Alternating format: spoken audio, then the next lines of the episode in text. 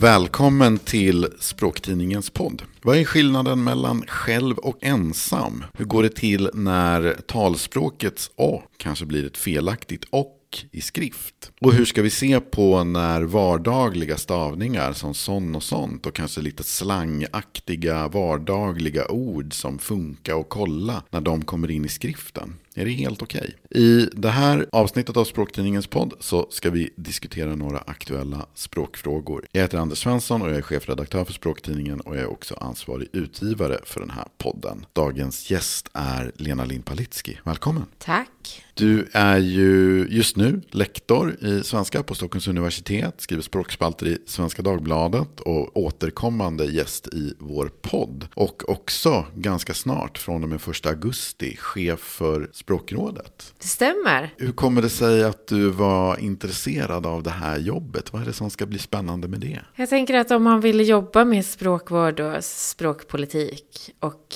språk i relation till samhället då är ju det kanske den absolut bästa positionen och bästa arbetsplatsen. Det ska bli jättespännande. Och som anställd på Språkrådet så kommer du förstås på samma sätt som de övriga medarbetarna där att möta en hel massa språkriktighetsfrågor i olika sammanhang. Och det är en del sådana som vi ska behandla i det här avsnittet av vår podd. Gemensamt för de här frågorna det är att de är anmälningar till Språkpolisen på Språktidningens webbplats så finns det en sån liten flik som heter just Språkpolisen. Och vi ska börja med en anmälan från Karl. Han vill anmäla det han kallar för dåligt språkbruk av det skrivna svenska språket. Detta gäller bland annat dagstidningar och översättning av filmer på tv, bio med mera. Där översättaren blandar in talspråk i skriftspråk. Det gäller exempelvis sån, sånt, någon, någonting, funka, kolla, det är stavat med e då istället för det är eller något sånt istället för något sådant. Inblandning av engelska då det redan finns ett svenskt uttryck, underdog, uppkomling. Det ger för det första ett oseriöst intryck, för det andra, vårt språk tappar nyans och utarmas då slanguttrycken får härja i våra texter. Exempel på vad slanguttrycket kolla kan betyda är följande ord. Se, kontrollera, undersöka, följa upp, bevaka, iaktta, granska, betrakta med mera. Ett fattigt språk utan nyans, fullt av slang, svengelska och ogrammatiskt skrivet kan dessutom leda till missförstånd och till och med olyckor. Ja, det är ju mycket som Karl tar upp här, men kärnan i det här, eller vad man ska kalla det för, det är väl ju när just eh, slang eller lite vardagliga ord ihop med då lite mer talspråksaktiga stavningar används i skrift.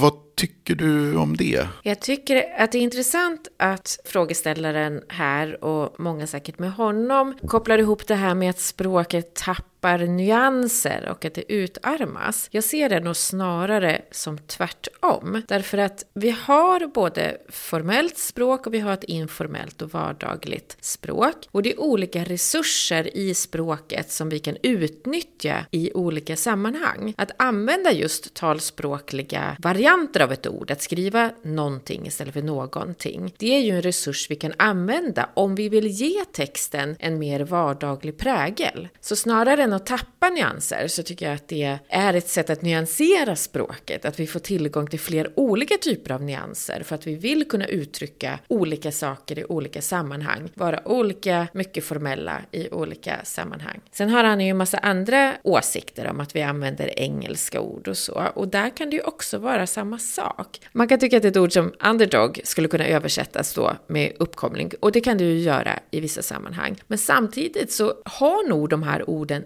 lite olika nyanser, lite olika betydelser, lite olika klang, lite olika konnotationer. Och då är ju det snarare en nyansrikedom som vi har att göra med. Att vi har två olika ord som vi kan använda i olika sammanhang för att på ett precis sätt uttrycka det vi vill. Ja, jag tycker ju också att det här är en typ av eh, reaktioner på eh, olika typer av språkbruk som jag också stöter på ganska ofta. Och jag tycker det är intressant för just att det handlar ju också lite om, tycker jag, att man kan ha olika register. Och det är väl kanske det vi är lite oense om här egentligen. I vilken situation är ett visst register olämpligt? Jag vet ju att jag själv gärna använder verbet kolla till exempel. Men om jag i rollen som vice vd för vårt förlag skriver ett avtal, då skriver jag inte kolla. Då kanske det blir kontrollera eller granska eller vad det nu jag är ute efter. Men att då kliver man något trappsteg uppåt på formalitetstrappan. Medan som när vi sitter här och poddar till exempel. Då tycker jag gott att jag kan säga kolla istället för vad vet jag, titta ut genom fönstret så kan jag säga kolla eller någonting sånt. För att det är lite olika situationer. Ja, och vi behöver ju både vaga ord och precisa ord. Därför att det finns sammanhang där vi behöver vara vaga. Och ibland så kanske man inte vet om det ska vara kontrollera eller granska eller iaktta eller vad det nu ska vara. Därför att det är en situation där det är lite vagt. Och då behöver vi de orden också. Så det är också en del av den här nyansrikedomen, att vi har tillgång till ord som är både exakta och precisa och lite vagare eller mer abstrakta eller konkreta eller så. Vi går vidare med en eh, anmälan från Karina. Hon skriver så här. En stilla undran. Har mediafolk förbjudits att använda infinitivmärket att? De säger som exempel Ryssland planerar att invadera. Det låter i min värld inte klokt. Det strider mot diverse grammatiska regler och blir egentligen obegripligt. Det korta A används ju i talspråket i betydelsen och. Exempelmeningen skulle med korrekt svenska lyda Ryssland planerar att invadera och handlar om något som komma skall. Invadera är infinitiv. Om å ersätter och behöver båda verben vara i presens. Ryssland planerar och invaderar och betydelsen blir att de både planerar och invaderar på samma gång. Vad säger du om Karinas syn på hur vi använder det här och i tal och hur det sen hanteras i skrift? Det här blir ju svårt därför att och i tal kan ju både motsvara och och att i olika sammanhang. Båda förkortas liksom till det här å i talet. Och då bidrar det till att vår språkkänsla ibland brister, därför att vår språkkänsla den bygger på talat språk och mönster som vi har hört och som vi hör hela tiden. Och när det kan då översättas i skrift till både och och att så blir det ibland fel. Och så här har det varit under väldigt, väldigt lång tid. Det är ingenting som är nytt. Men det ser man ibland att liksom språkkänslan brister därför att de låter likadant i tal. Nästa anmälan kommer från Anders och han har reagerat på språkbruket i Språktidningen och det är faktiskt inte jag som har skrivit den här anmälan. Blev förvånad över att i själva Språktidningen se ett fall av helt onödig svengelska. I artikeln Är språkets väktare på väg bort används ordet välresearchad. Att använda ordet researcha istället för undersöka eller utforska har förvisso blivit allt vanligare. Men just Språktidningen borde väl ha lite högre krav på språket i det man publicerar. Ja, Lena, vad säger du? Borde vi ha lite högre krav på språket i språktidningen. För att granska dig själv här, Anders. Nej, men jag tänker att eh, ordet researcha är ju väl etablerat i svenskan. Det har det ju varit under lång tid. Det är ett ord som finns upptaget i ordböckerna, det finns i SAOL, det finns i Svensk ordbok. Så att det är ju inget konstigt ord, det har funnits länge. Och det här har väl också att göra med olika nyanser. Därför att researcha eller göra research, det är ju ett ord som är liksom journalistlingo. Och det är liksom ett fack fackspråk. Att säga att du skulle utforska någonting, det betyder någonting annat än att göra research. För det är liksom en typ av metod och ett arbete som man gör som journalist och som är tydligt kopplat till det. Och sen tror jag också att det har spridit sig. Man kan ju säga i sin vardag att man ska researcha olika elavtal eller vad man nu researchar när man sitter och googlar på olika saker. Så det används ju i andra sammanhang också. Men att använda det i ett sammanhang, ett journalistiskt sammanhang, om man säger att det här reportaget var väldigt väl researchat, det tycker jag faktiskt inte är några konstigheter. Så har det använts länge. I och med att det var jag som var ansvarig för publiceringen rent juridiskt, så även om det inte var en text som jag skrev, så jag funderade, jag kommer ihåg att jag funderade på just det här ordvalet, men tyckte nej men det är helt okej. Okay. Det är ju också som du säger att nu kommer jag från journalisthållet förstås och där är det ju väldigt etablerat att man just talar om att researcha och så vidare. Och jag kanske inte skulle använda utforska där. Nu är jag i någon mån så att säga skyldig till någon slags fackspråks intern grej. Men eh, om jag skulle säga utforska tycker jag kanske att att eh, jag hamnar aningen, aningen snett. För jag tycker att då börjar det låta kanske lite för akademiskt. Och jag är ju inte forskare. Så att utforska, ja, det är förstås vad man är van vid. Men, men jag tycker nog att just när det gäller någon slags journalistiska grund efter forskningar eller vad det nu är. Så tycker jag nog att researcha är ganska lämpligt. Ja, och det har ju en tydlig skillnad om du jämför med akademiska texter. Jag skulle absolut säga att jag gjorde research eller att jag researchade om jag skrev på en, en journalistisk text. Men om jag gör saker som forskare, då skulle jag inte säga det. Om jag inte pratade engelska förstås. Då skulle jag säga att jag gjorde liksom en undersökning eller att jag har undersökt någonting. Så det är ju liksom tydligt kopplat till sina fack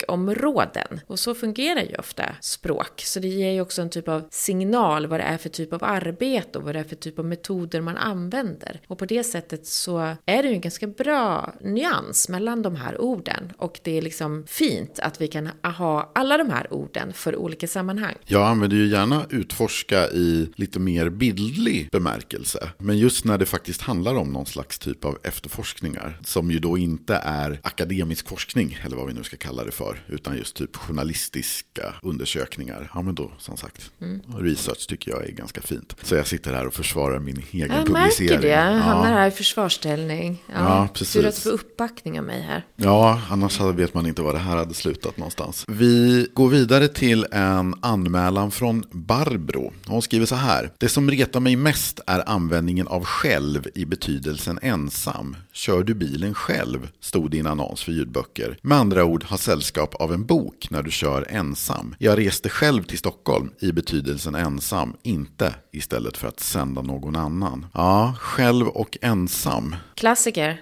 Det är en klassiker. Det är många som irriterar sig i någon typ av eh, inlärd irritation skulle jag säga. Men det är nog också en generationsfråga. Men många som irriterar sig på just den här frågan säger att det här är någonting de har lärt sig. De har lärt sig att man ska göra skillnad på de här orden. I väldigt många av de exempel som man tar som belägg för sin irritation så skulle jag säga att risken för ett faktiskt missförstånd, om man inte aktivt väljer att missförstå, är väldigt, väldigt, väldigt liten. Man får ju ofta den här till exempel, jag äter själv att någon använder det som exempel om en vuxen person då. Och så säger, säger någon ironiskt, åh hurra, du är 49 år och kan hantera kniv och gaffel, vi applåderar. Mm. Men, det kan ju användas som underlag för skämt av den typen. Absolut, men jag tycker ju att det är intressant det här med när du säger just också inlärd irritation. Om vi då också bara skulle säga någonting om det, visst är det så att om vi tänker oss till exempel ordföljd, det är någonting vi lär oss utan att tänka på det väldigt tidigt. Vi vet att kommer du imorgon är en fråga. Du kommer imorgon är en form av uppmaning eller ett påstående. Ordföljd har, det lär vi oss väldigt tidigt. Så det här med inlärd irritation. Det är ofta någonting vi då har lärt oss i skolan. Alltså vi har ju en inre grammatik som vi har lärt oss genom att vi hör språket, vi hör hur andra talar. Och på det sättet så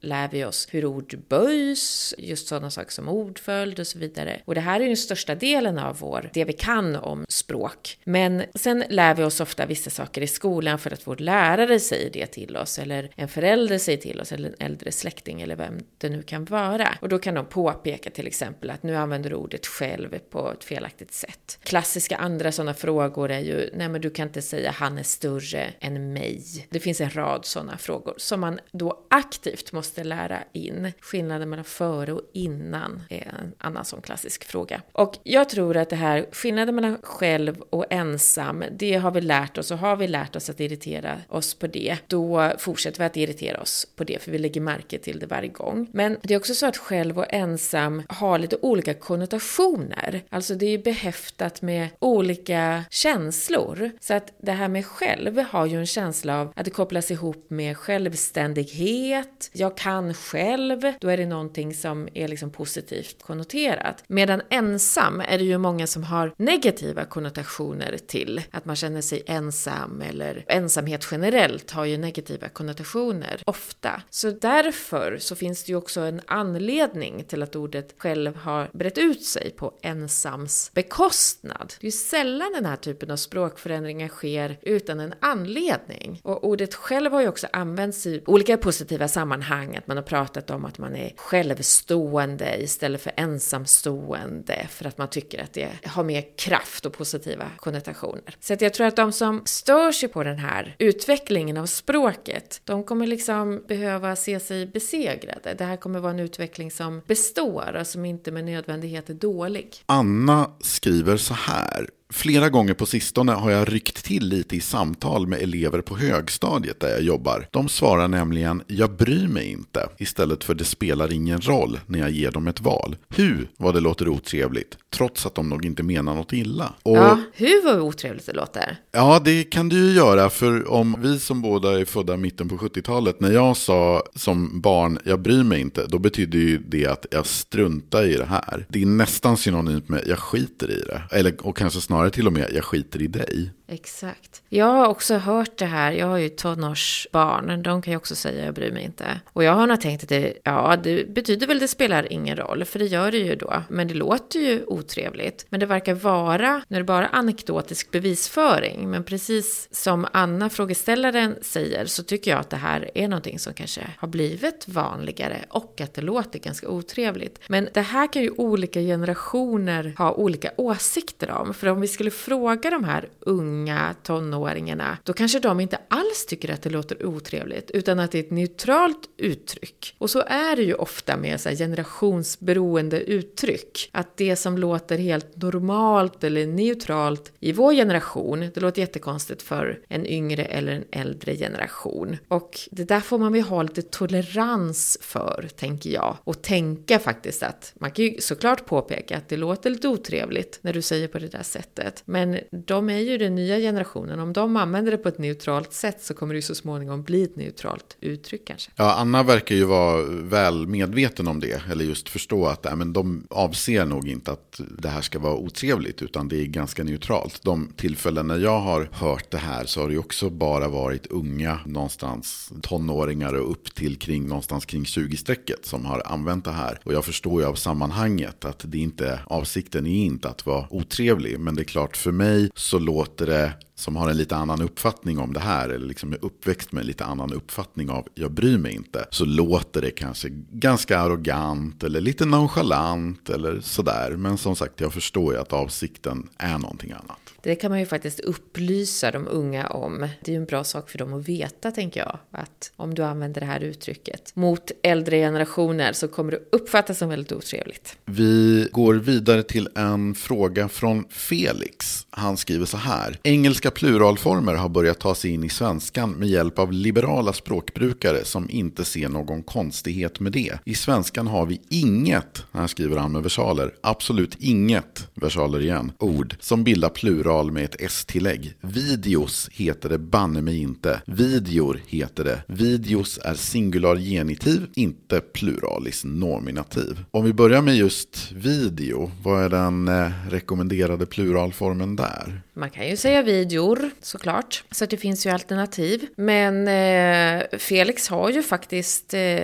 fel. Det finns ju ord i svenskan som vi har plural S på. Felix har fel. Felix har fel. Det är ju ganska sällan vi uttalar det som rätt och fel, men just det påståendet stämmer faktiskt inte. Sen beror det på vad man menar med att det inte finns i svenskan. Om man går till bruket och tittar på hur ord vanligtvis böjs, då har vi massor av ord som vi böjer med S. Jag tror att kanske Felix också äter tacos ibland, om han tycker om det. Det är ju ord som de flesta använder plural S på, eller att man är sambos till exempel. Sen har vi de här kepsorden, där den engelska pluralformen har blivit en singularform på svenska, som i keps, bebis, vad har vi mer? Kex är ju ett annat, eller kex som man säger i delar av landet. Precis, det finns ett gäng sådana ord och det är ju också plural S som har liksom införlivats i svenskan och som vi kanske inte tänker på. Chips, ett annat sånt ord. Men sen är det också så att Svenska Akademins grammatik, som är liksom det största standardverket vi har i modern grammatik i svenskan och som kom 1999. Där tog man ju upp plural S som en etablerad deklination på svenska. Om de kan säga att det här är en böjningsform som vi har på svenskan, då skulle jag säga att det är så. För vem skulle annars kunna säga det om inte ett gäng superetablerade grammatiker som har skrivit den här grammatiken och verkligen gjort väldigt avancerad eh, research för att återknyta till en tidigare fråga. Ja, och i någon mån, om man nu ska ge så att säga Felix lite upprättelse, att Felix inte bara har fel. Det som är lite andemeningen i hans inlägg här, eller vad man ska säga. Traditionellt så har ju språkvården haft en väldigt, väldigt skeptisk attityd gentemot pluralformer på S. Att säg hellre, ja men säg hellre då flera videor än flera videos till exempel. Men det här är ju en attityd som har luckrats upp de senaste åren. Ja, men om vi ska vara lite på Felix sida här, så det han säkert är ute efter är ju att det finns någon typ av slentrianmässig kanske användande av S, att man säger scenarios istället för scenarion eller scenarier till exempel. Och att det faktiskt är ett bruk som brer ut sig. Och det har liksom Felix rätt i, att ibland så använder plural S trots att vi har etablerade svenska mönster för att böja det. Och att S-plural är ju någonting som har kommit in i språket senare än våra andra deklinationer. Men jag skulle ändå vilja slå ett slag för att plural S kan vara ganska bra. Och det är också ett sätt att berika språket med fler deklinationer och inte att ta bort, för vi tar inte bort de andra, de lever ju kvar. Nästa fråga är två olika personer som har anmält till Språkpolisen. Först är det Ricky som skriver så här. Numera heter det i något sammanhang vid intervjuer i radion Vad tänker du om det? Där det skulle passa bättre med Vad tror eller vad tycker du om det? Kan det vara en influens från engelskans think som ju står för vårt tänka, tycka, tro? Och så har vi Hans som eh, irriterar sig på samma sak och dessutom har en liten teori om detta. Han skriver så här. Idag används ofta orden jag tänker att som inledning på ett svar på en fråga som avslutas med vad tycker, anser du om det? För mig kan det vara stor skillnad på vad en person tycker, anser och vad en person tänker. Kan av mig ibland uppfattas som att man egentligen inte vill säga vad man tycker eller anser utan då istället använder ordet tänker för att inte stöta sig med vad som anses vara PK. Kan det vara fler än jag som reagerat på detta? Ja, det är fler som har reagerat på detta och jag skulle säga att kanske under det senaste decenniet så är det många som har reagerat på detta och jag har fått den här frågan många gånger. Och för att använder det här ordet så tänker jag att det här är en ganska positiv utveckling. Jag tror att det är en utveckling. Jag tror också att de kan ha rätt i att det är en påverkan från engelskan, men det vet man ju inte riktigt. Och nu har vi varit inne på det här med nyanser flera gånger, att det kanske också är ett sätt att berika språket. Jag kan ju tycka att det är väldigt befriande att människor säger att man inte uttrycker sig så tvärsäkert, utan att man säger att jag tänker så här om det här problemet. Det gör ju också att man är öppen öppen för så här, vad tänker du? Man är lite öppen för vad andra tycker om någonting. Och det är ju ganska trevligt i ett ganska hårt debattklimat som vi har i samhället idag. Medan om man säger så här, jag tycker, jag anser. Det lämnar ju inte lika mycket öppet för diskussion eller att man ska motta vad de andra tycker eller tänker om någonting. Så att jag tycker att det är ganska trevligt när folk inte uttrycker sig på det här jättetvärsäkra sättet. Det kan man naturligtvis göra om man tycker någonting väldigt tvärsäkert och att det är en väldigt tydlig åsikt, man har tänkt igenom det noga. Men har man det inte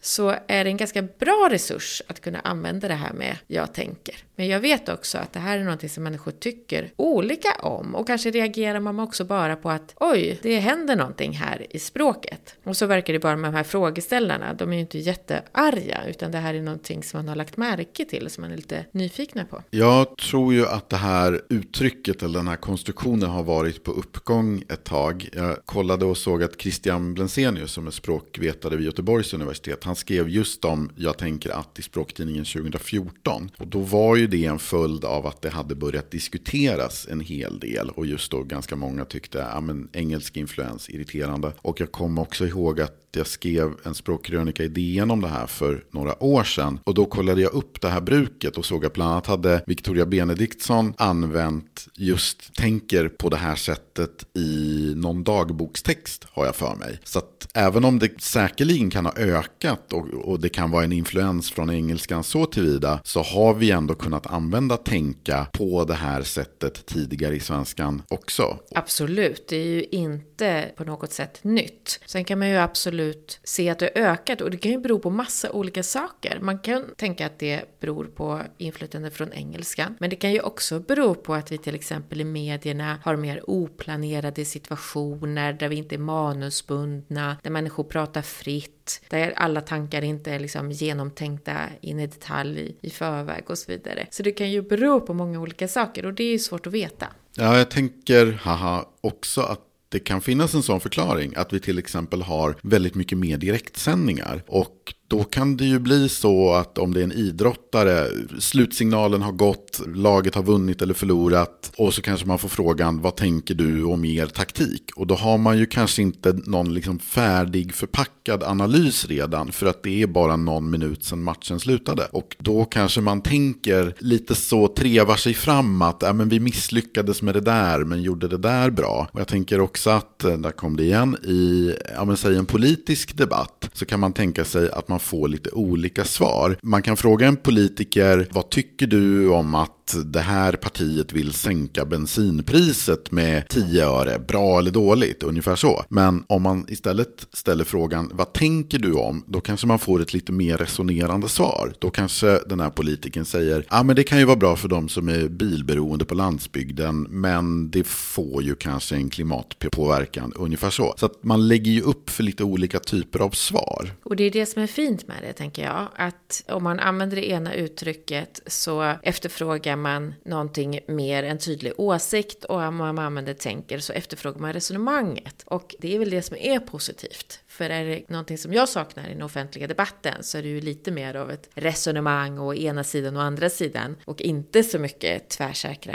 politikersvar. Den här frågan den kommer från Sussi. Hon skriver så här. På sociala medier men även i andra sammanhang ser jag allt oftare att det finns de som skriver D, alltså DE, istället för det. Det kan ju bli hur konstigt som helst. Det kan vara irriterande och det försvårar också för de som har svårt att skilja på det och dem och dem. Varför förkorta ett ord som innehåller tre bokstäver? Ja, det kan man faktiskt fråga sig. Men... För man ser ju det här mycket. Absolut. I, I den bemärkelsen så instämmer jag i Sussis iakttagelse. Ja, och det här har jag faktiskt undersökt själv i samband med att jag har gjort det och dem undersökningar och tittat på elevtexter. Att det här är ett bruk som har ökat även i elevers nationella prov. Och jag tror att man med ganska stor säkerhet kan säga att det har ökat generellt. Och man brukar ju förknippa det med någon typ av chattspråk där man vill förkorta saker. Men frågan är ju då varför förkortar vi någonting som har tre bokstäver till två? Vi sparar ju inte supermycket tid eller utrymme på grund av det här. Men svaret är väl uttalet. Att vi uttalar inte T, vi säger inte det, utan vi säger alltid det. Om man ska skriva mer talspråksnära så härmar man talspråket och då faller T bort. Så jag skulle säga att det stora syftet är ju inte att spara tid och utrymme, utan att man vill härma talspråket. Jag tänker att i ett formellt sammanhang, då hade jag kanske sagt, om det är lite mer nästan uppläsningsliknande, då kanske det blir det röda huset. Men skulle vi sitta här och prata, då blir det det röda huset. Jag tror knappast ens i uppläsningssammanhang att man använder det speciellt ofta. Det är ja, väl kanske. jag. Det är jag. Ja, bara du, jag vet inte, jag ska lägga märke till och se om du någonsin säger det. Nu ses ju inte vi i jätteformella sammanhang i och för sig, men ja. Vi får börja göra det, så får, får du föra statistik. Jag vet ju att du har fört liksom statistik, var det på högstadiet eller gymnasiet? Nej, typ statistik var det va? Någon typ lärare. statistik, det var på högstadiet. Ja, och det fick stora effekter, visst var ja, det så? Ja, den här läraren som använde extremt många typ sa i alla fall att han blev tacksam för detta och att han sen ändrade sig. Han hade ingen aning om att han använde typ i typ varenda mening. Var det här språkforskaren Lena Lind Palitski föddes alltså? Alltså jag tror att eh, nyfikenheten på språk på det sättet har ju alltid funnits. Men det här var ju en av de grejerna faktiskt. Så vi tackar tackar de som har skrivit anmälningar till Språktidningen. Vi tackar för deras nyfikenhet och tack Lena Limpalitski. Tack så jättemycket. Och tack till dig som lyssnat. Prenumerera gärna på Språktidningens podd i din poddspelare och följ oss gärna i sociala medier så att du inte missar när vi släpper nya avsnitt. Vi finns på Facebook, Instagram, Twitter och LinkedIn. Om du vill testa Språktidningen så kan du gå in på språktidningen.se. Där kan du teckna en prenumeration på den tryckta tidningen. Du kan testa två nummer för 99 kronor eller den digitala upplagan. Du får tre månader för bara 49 kronor. Tack så mycket och på återhörande.